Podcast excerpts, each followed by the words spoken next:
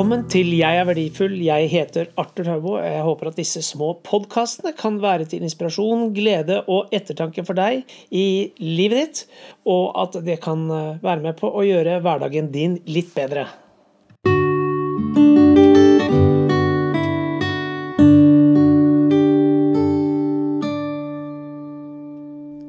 Kjære venn, hvor gammelt er universet? Forskerne skal ha det til at det er 13,8 milliarder år gammelt. Og jorden, ja, den er ganske mye yngre enn det.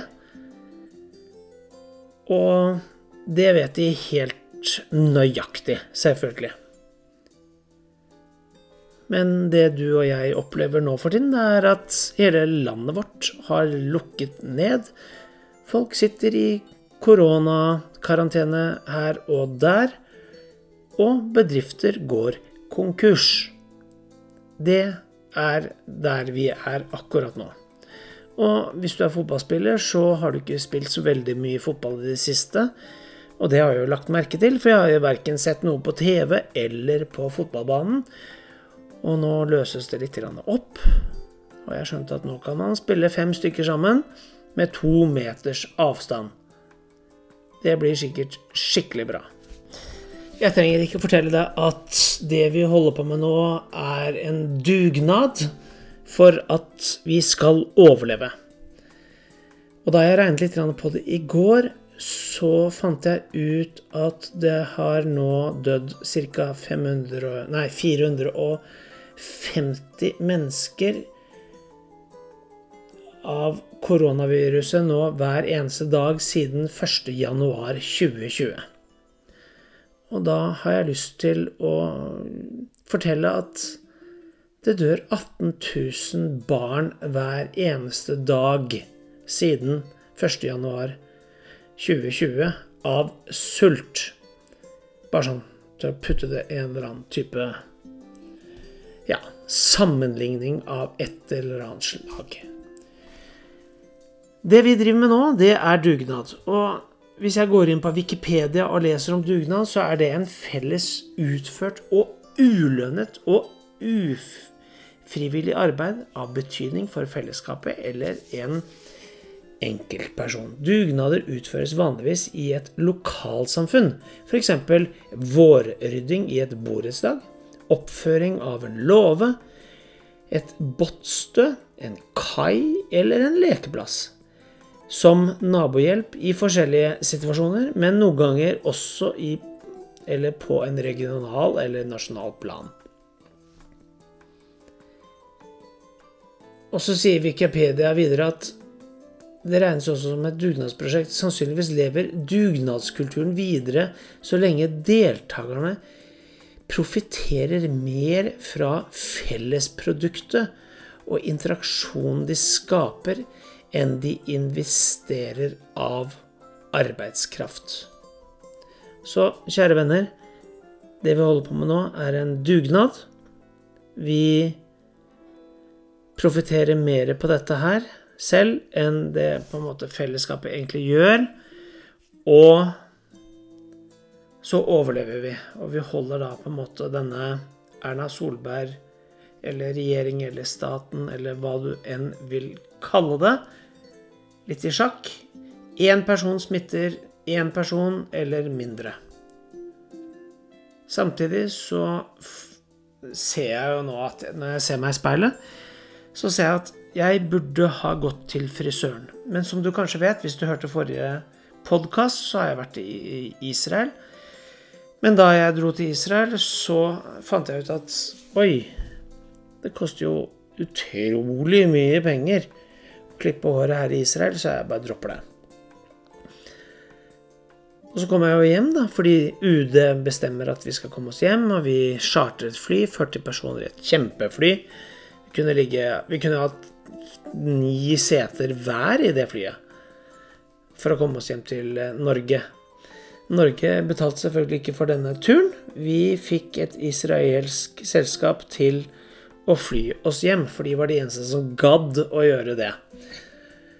Ok, vi flyr fra Tel Aviv til Gardermoen, og mest sannsynligvis så blir jeg jo kanskje smittet av korona da, på Gardermoen. For der står jo hele Heimevernet og hoster og nyser og står på. Og selvfølgelig så var jo hele taxfree-avdelingen den var åpen. Her kan man jo raske med seg alt fra Quick Lunch, eh, whisky, eh, Toblerone Den liker jo jeg godt. Hvit Toblerone, det er en sånn favoritt hjemme hos oss. Så jeg bare dro liksom alt sjokoladevisvaset ned i kurven. Eh, og så kom jeg til kassen, og der står det jo eh, Nei, du kan ikke kjøpe en whisky hvis du har kjøpt én vin. Eh, ja. Uansett. Dugnad. Vi holder nå på å låse ned hele Norge. Vi bruker eh, alle skattepengene, eller liksom hele oljefondet vårt. Og når jeg snakker om oljefondet, så tenker jeg litt på hmm, Den nye sjefen for oljefondet, han har plassert alle pengene sine i et Ja, han har puttet dem på en eller annen øy. Ja, ute i Atlanterhavet et eller annet sted, hvor de ikke betaler noe særlig skatt. Og da tenker jeg at mm, eh, Er det det vi ønsker oss? Er det, er det slik at vi ikke skal betale skatt lenger, eller hvordan er det? Uansett, ja. Vi er i hvert fall veldig heldige, da. Vi nordmenn. Nordkvinner. Vi som har masse penger på bok. Vi har jo investert eh, vanvittig mye penger i selskaper som Ja, jeg er ikke helt sikker på at verken du eller jeg vet hvilke selskaper det er, men jeg har sjekket noen av de selskapene, og de er litt sånn passe tvilsomme.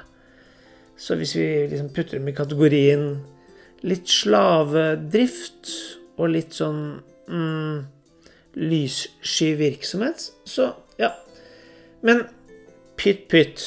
Disse pengene, de er jo da i oljefondet, og nå kan vi jo dele dem ut til oss. Vi kan jo kose oss med dem. Vi kan jo nå f.eks. si at nå er alt stengt, frisøren er stengt, som jeg nevnte i stad. Og så kan vi jo f.eks. si at nå har vi det så utrolig vondt, og nå går vi jo konk, så nå må vi jo få litt av disse pengene, og nå må staten hjelpe til litt. For hvis ikke så går jo alt i stå. Hm. Ja, ja. Eh, Darwin snakket om 'the survival of the fittest'.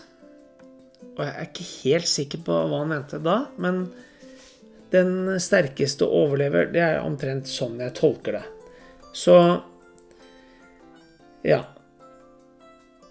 Er jeg the fittest, eller er jeg ikke? Og sånn som jeg ser på det, så er ikke jeg helt the fittest.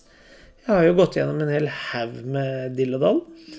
Jeg har selvfølgelig fått glede av å benytte meg av um, det norske helsevesenet de siste årene. Men 'survival of the fittest'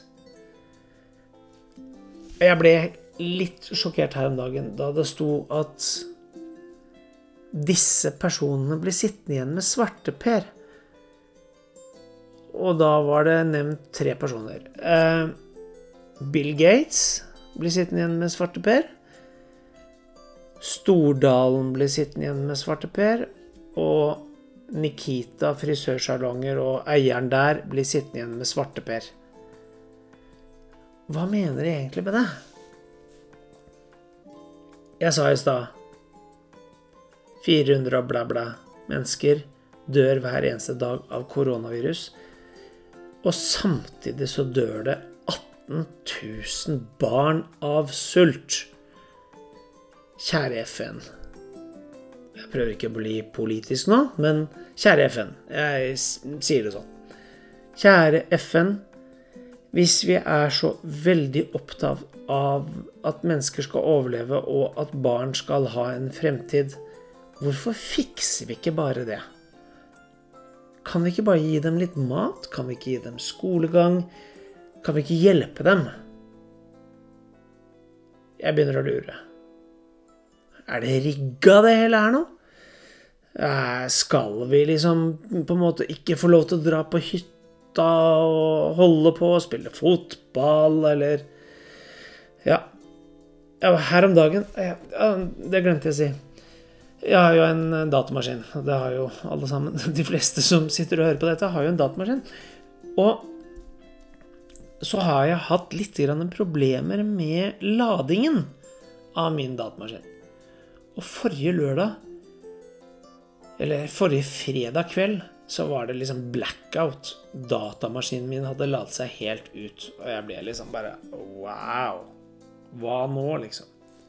Kan ikke jeg liksom prate eller sende e-post eller være på Facebook, på TikTok eller noe annet, liksom? Så jeg ble vettaskremt. Og datamaskinen er jo dyr. Og sist gang jeg tenkte jeg skulle innom og få fikset den, så sa de ja, du kan levere den inn, og så kan du få den tilbake om tre måneder. Og da sa jeg bare liksom eh, No, no. Eh, tre måneder, det er altfor lenge for meg å vente. Jeg bruker den jo hele tiden. Det er jo liksom her jeg sender regninger, som er et uh, symmetrisk ord. Regninger kan leses regninger begge veier, som du vet. Uh, så da tenkte jeg at ok, reiser da til Slependen, drar innom Elkjøp, tar med meg datamaskinen min, passer på at jeg holder god avstand, to meter pluss, bla, bla. Har på meg hansker, munnbind. Trekker kølapp, trykker med liksom en penn. Ding! 872. Og så er det min tur plutselig, og så får jeg sagt at jeg har en datamaskin, og dette er datamaskinen min, og den lader ikke. Er det mulig å få sjekket om den kan lade her på Elkjøp? For da kan jeg liksom begynne der, liksom. Så jeg begynte der, og så fikk de satt inn en ny ladekabel og bla, bla. Og plutselig så hadde jeg 5 og da tenkte jeg ah, yes! Så da ble han karen og jeg enige om at uh, da kjøper jeg en ny ladekabel og blæ, og tok med meg den hjem. Og nå virker jo alt sammen, og det hører du jo, for nå sitter jeg her og prater igjen. Så ah, det var så deilig å få fikset det lille problemet der. For hvis ikke så hadde jeg liksom, liksom vært helt ute. Jeg hadde jo ikke fått sjekket aksjene mine på Norwegian. Og før jeg dro til Israel, så tjente jeg ja, det var noen tusenlapper på, på Norwegian-aksjen. Men etterpå så har jeg liksom tapt en del. Nå har det jo liksom ramlet ned fra 175 kroner per aksje ned til 8,72. Oi, oi, oi. Men jeg har jo selvfølgelig kjøpt og solgt litt før det. Men nå står jo alle flyene på bakken. Alle flyene. Vi kan ikke reise verken hit eller dit. Ja. Vi har det jo skikkelig vanskelig her i Norge. Eh, det er jo enormt mange mennesker som dør. Jeg leste vel at det var noe rundt 50 eller et eller annet. Og det er jo selvfølgelig Det er jo kjempetrist at folk dør. For når en person liksom går ut av livet, så er det liksom slutt. Og det er jo en person vi er kjempeglad i. Men midt oppi det hele så tenker jeg liksom mm, Det var liksom bare 18 000 barn som døde i dag. Mot 450 et eller annet. Og da liksom lurer jeg på Hva er et menneskeliv verdt, egentlig? Jeg husker at på, på slutten av 80-tallet så leste jeg en bok av eh, Rudolf Steiner. Jeg gikk inn på eh, Nasjonalbiblioteket i Oslo, og så, så, så liksom På Deichman der. Og så fikk jeg tak i en bok, og da leste jeg at eh, Vær så snill ikke å arrestere meg helt, men jeg tror jeg har ganske rett. Men det sto at hvis man på en måte regnet verdien av et menneske, så var det zwei mark und bla et eller annet pfennig. Og det, og det er jo liksom ikke noe mer enn noen kroner. Så et menneskeliv er egentlig ikke mer verdt enn noen kroner sånn når vi liksom har blitt brent opp og, og så videre. Men du er verdifull. Jeg er verdifull. Vi har så vanvittig mye mer å by på enn den lille summen der. Alle relasjonene, alle de menneskene du og jeg møter hver eneste dag. Og ja, jorden er da 13,8 milliarder år gammel. Det er bare så Det er så det er kjempestort. Altså det er Jeg skjønner ikke hvor stort det egentlig er. Og så er vi liksom på planeten Jorden, da, som er en god del yngre enn det, og som svirrer rundt solen, og så har vi en måne her, og Ja, det er litt uvær innimellom. Det er høyvann, det er lavvann, det er mye sne, det er lite sne. Bjørn Dæhlie Ja og så Kjus og Gutta Boys. Det er liksom ah. Hvit vinter snakket vi om for et halvannet år siden, eller et eller annet hva det var. Og, og så liksom Ja. Liksom, vi er så vi, vi, må ha snø, liksom. Det er liksom Å. Det er snø som er viktig. Og da kom jeg til å tenke på Jeg hørte en historie for en del, del år siden som ja, det var en kar som da var eh, hjemme hos sin eh, forlovede og skulle feire Jeg tror det var faktisk thanksgiving. Og så Og det er jo stort sett i november. Og så kommer han da liksom inn på kjøkkenet der, og har liksom I USA på den tiden, når det er liksom thanksgiving, så er det veldig ofte liksom fotball på TV. Liksom, mm, og så er det sitter gutta boys og så drikker litt øl i sofaen. Og så er kvinnene vanligvis De er da på kjøkkenet. Men denne nyforlovede karen han går liksom da inn på kjøkkenet, og så Der holder liksom kvinnene på å forberede middagen. Og så ser han at de liksom, liksom kapper av denne turken, da. Kalkunen. Så spør han liksom, ja, hva er liksom, Hvorfor liksom kapper dere av kalkunen? Og da sier jo liksom moren i huset, liksom moren til eh, den forlovede, sier ja, det er jo fordi det er liksom sånn vi alltid har gjort det. Ok, tenker jeg han karen, da. Altså, men han slår seg liksom ikke til ro med det, så han går og spør liksom bestemor da, liksom hvorfor Hva er greia liksom rundt å kappe av liksom kalkunen? Nei, det visste hun ikke, hun heller, da. Men heldigvis i denne familien da, så levde de ganske lenge. De liksom ble noen og 80, nærmere 90 år. Så liksom oldemoren, hun satt jo ute i stuen der og litt sånn kanskje kanskje litt sånn senil, og drakk kanskje en Bud Light, som eh, man ofte drakk da rundt sånn på den tiden av året. Og denne karen han spurte da oldemor hva er liksom årsaken til at uh, du kuttet liksom av endene av uh, av kalkunen, liksom. Nei, det var jo fordi vi hadde for liten stekepanne, sa oldemor. Og jeg tror liksom at hm, Det er så utrolig mye vi holder på med hele tiden, hver eneste dag, som handler om en eller annen årsak som var Som hadde egentlig en ganske god og logisk grunn litt tidligere, men nå var liksom Ovnen var større, og det var plass til hele kalkunen, liksom. Men vi kutter liksom fortsatt av kalkunen. Kjære venn. Jeg sitter nå på tredje uken i karantene. Og som du nå sikkert skjønner, så begynner det å gå litt rundt for meg her ute. Jeg har nå sittet og tittet ut av vinduet hele dag, og det har blåst som bare rakkeren. Men eh, ja Jeg har det jo egentlig ganske bra, da. Selv om jeg måtte liksom reise ut og kjøpe litt matvarer og levere de på døren ute på verandaen på der jeg vanligvis holder til. Men du, vet du hva? Det vil helst gå godt, sa Max Manus i boken sin. Det var en sånn type memoarer som han skrev. Det vil helst gå godt.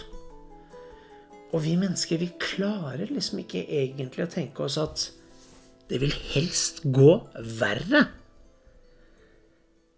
For vi liksom tenker at ja, det er logisk at nå har det gått veldig bra veldig lenge, og så går det dårlig en stund, og så går det over, for det går i sykler. Og ja, jeg er helt sikker på at eh, koronagreiene, det kommer til å gå over. Jeg tror vi kommer til å slite litt med en del av disse tingene. Men en av de tingene jeg kommer til å tenke på at vi kommer til å slite mest med, det er at nå har vi plutselig blitt veldig bra oppdratt i å følge en hel haug med regler. Vi piper, vi spytter ikke på folk, vi holder veldig god avstand osv. osv. Og, og bak teppet så foregår det en hel haug med ting. Og jeg skal ikke komme inn på noen som helst konspirasjonsteorier, men jeg er ganske sikker på at det blir en hurlumhei, og at vi kommer til å se helt nye ting, på samme måte som vi skjedde etter 9-11. For etter 9-11 så måtte vi jo alle sammen pipe gjennom all verdens type sikkerhetsting. Og jeg tror ikke det blir mer frihet. Jeg tror det blir mindre frihet. Min tankegang er dette. Jeg mener at folk skal ha frihet til å tenke og mene og gjøre akkurat hva de vil.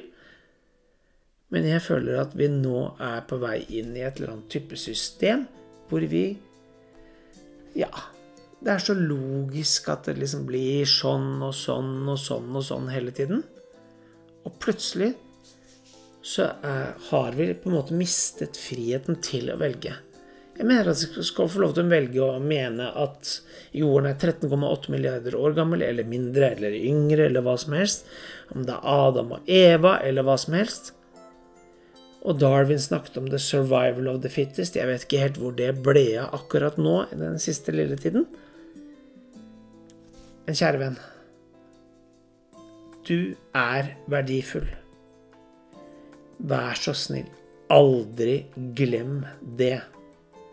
Du har akkurat det som bor i deg for å gjøre denne verden bedre. Og det handler ikke om store ting. Det, handler ikke om, det er bare sånne småting. Det handler om å være tilgjengelig, være nær. Bry deg om de menneskene du har rundt deg. Du er ikke her bare pga. en slump. Det er i hvert fall min mening. Jeg mener at du er her fordi du er den rette personen til å være her akkurat nå for å gjøre akkurat den jobben du skal gjøre. Om det er å spille fotball og glede andre mennesker med det, om det er å lukke om døren, bære ting inn og ut, hjelpe folk som er, jobber på sykehus, i pustemaskiner eller hva som helst Jeg vet ikke. Men jeg er helt 100 overbevist om at både du og jeg, vi er her av en eller annen mening.